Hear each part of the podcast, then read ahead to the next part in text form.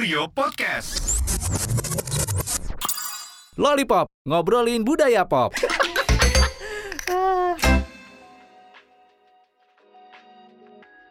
Indonesia itu dipikir-pikir makin ke sini makin apa ya?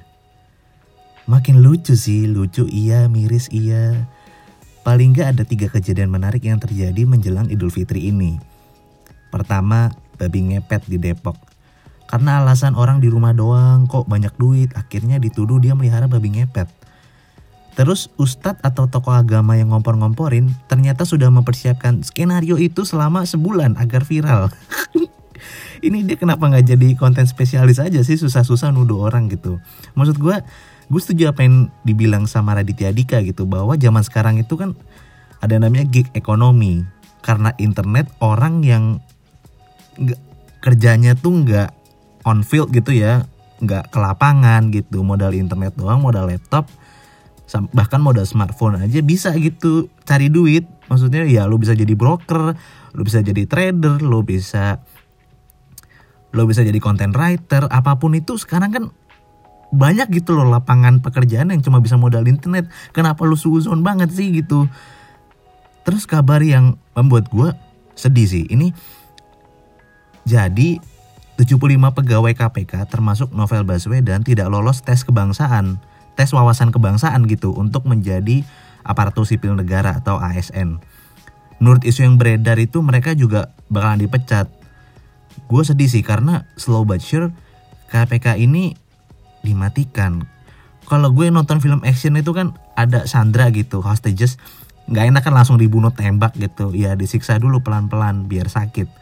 Nah itu yang gue lihat bahwa KPK ini perlahan dilemahkan dulu, dibikin sakit baru nanti kemudian mati. Terus buzzer itu selalu mainin isu oh di KPK ada Taliban, radikalisme segala macam. Aduh, ini buzzer tuh nggak ada isu yang apa gitu yang kalau nggak Rizik pasti radikalisme deh. Gue tuh capek banget, kesel gue.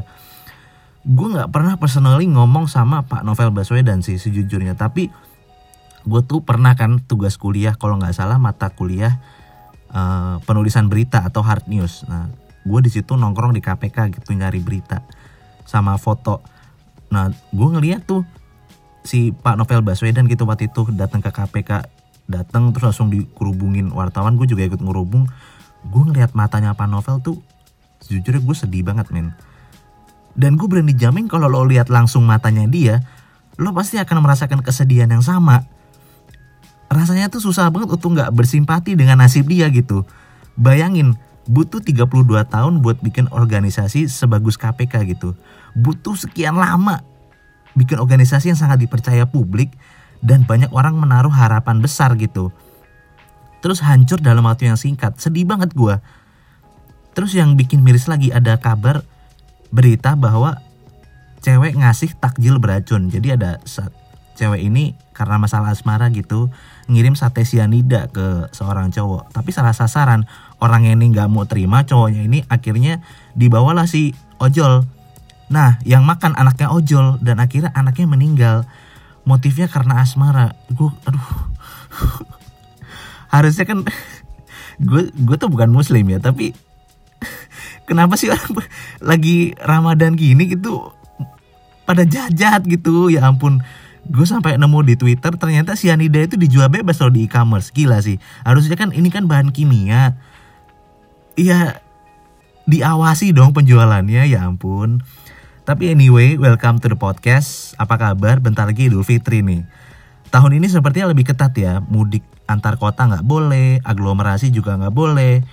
Di Celuduk Pondok Aren kemarin gue baca di Kurio itu keluar masuk mesti pakai SIKM itu aneh banget deh aduh lucu banget dah tapi ya semoga penerapannya tuh sesuai dengan apa yang gue baca sih semoga ya. Maksudnya ya kita kan pengen pandemi ini cepat berakhir gitu. Tapi yang gue pikir harusnya tuh yang kayak gini-gini lebih ketat gitu. Harusnya kan di lebaran kemarin kalau lebaran kemarin lebih ketat menurut gue lebaran sekarang kan bisa lebih longgar gitu. Kenapa kemarin pandemi lagi tinggi-tingginya lu longgar sekarang malah lu ketatin lagi? Aduh nggak ngerti gue ada jalan pikirnya pemerintah. Dari dunia musik gue seneng ya.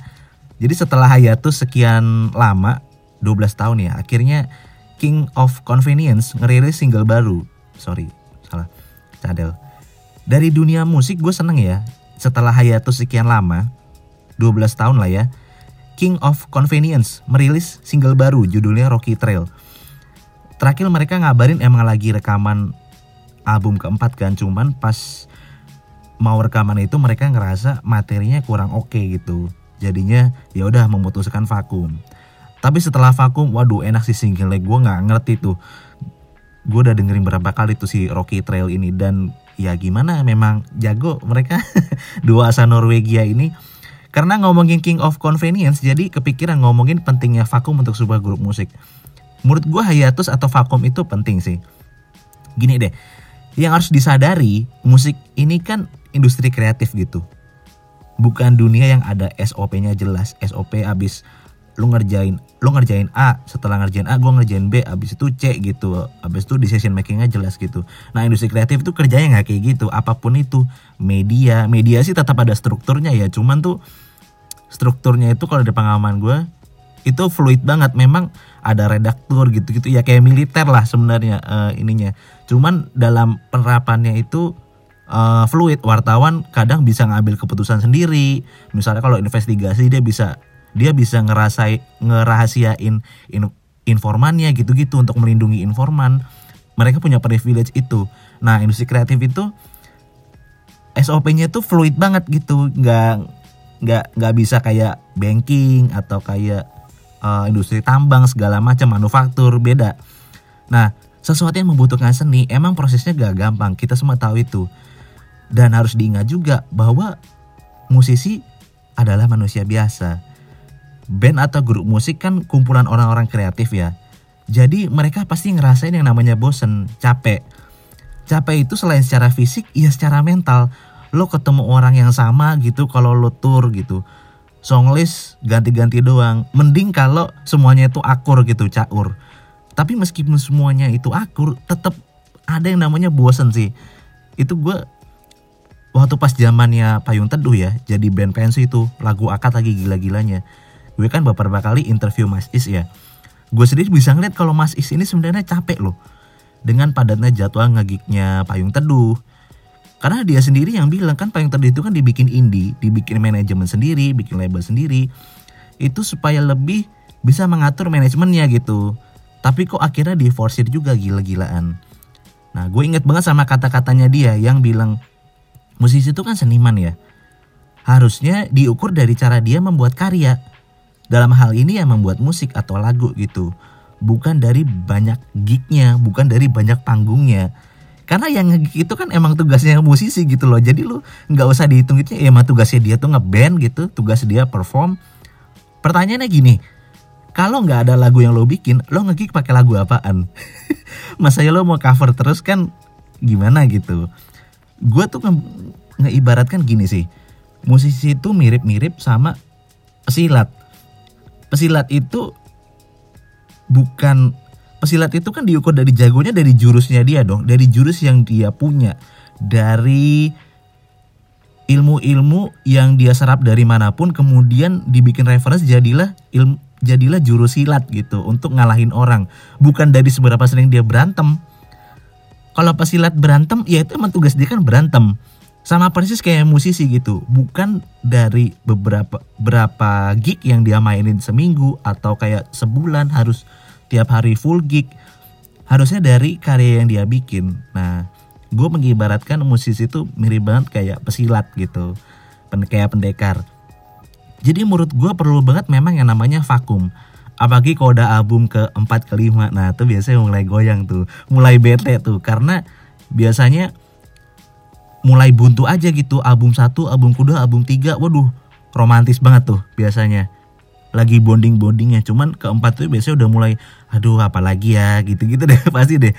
Dari album pertama ke album kedua aja bisa kelihatan banget bedanya kayak bara suara gitu. Kan gue pernah bahas tuh album satu sama album kedua wah kok maksudnya ya beda sih. Cuman gue kurang lihat inovasi yang gimana banget gitu dengan uh, bara suara jadi biar nggak bosan juga harus ada kesibukan lain dari band itu sendiri. Bisa bikin project baru atau produserin siapa gitu. dan begitu bikin single atau album tuh ya fresh aja keputusan vakum itu kan juga diambil sama Fun, One Direction, Big Bang kalau nggak salah Westlife juga pernah dan mereka justru dikangenin fans terus sekitar tiga hari lalu apa ya ada kabar bahwa Pepeng dan Emil, drummer dan basis Naif itu memutuskan keluar. Sebelumnya kan Naif berlima tuh. Ada keyboardis juga si Chandra Soekardi. Terus kan keluar dan dia kok nggak satu jadi pilot deh. Tinggal berempat akhirnya Pepeng sama Emil nyusul cabut. Ya ampun, kok bertambah ya kesedihanku selama pandemi ini. ini kan dua personil keluar ya, ia tinggal sama Jarwo sama David Bayu sebenarnya gue tuh nggak ingin berprasangka buruk sih tapi kayaknya ini calon-calon bubar sih ini band gue takut banget bubar. Meskipun vokalisnya masih ada gitu. Karena yang gue lihat semua personilnya tuh kayak udah punya kesibukan masing-masing. Jadi yang gue baca berita di kompas.com sama medcom gitu ya mereka tuh si Pepeng sama Emil tuh sebenarnya udah cabut dari 2020 September atau November gitu. Ya karena merasa udah cukup aja 26 tahun gitu tapi ya dipikir-pikir, kalau misalnya Naif ini amit-amit bubar, sebenarnya gue gue nggak pengen bubar, tapi yang nggak tahu kita doakan yang terbaik aja. Kalau dipikir-pikir ya, bubar itu jangan-jangan investasi ya. Kayak misalkan Oasis. Sampai sekarang berantem mulu tuh ada kakak. Tapi ya mereka jadi diinget fans. Entar tiba-tiba reuni, waduh tiketnya mahal bener. Dewa sekarang jadi band nostalgia, Jikustik, you name it lah. Jadi karena bubar, suka nggak suka semua jejak karya yang ditinggalkan itu jadi punya value lebih. Tiba-tiba albumnya langka kaosnya mahal yang gitu gitulah jadi ya gue berharap semoga Naif tidak bubar sih karena sayang sekali ini salah satu band indie yang meramaikan musik Indonesia. Terus ya menemani masa kecil gue oke sekian dulu episode Lollipop kali ini gue mengucapkan selamat Idul Fitri untuk teman-teman yang merayakan. Mohon maaf kalau gue salah-salah kata atau kebanyakan sambat atau nyinyir. Jaga kesehatan selalu. Selamat gemukin badan ya dengan ketupat, opor dan rendang. And see you on the next episode. Bye bye.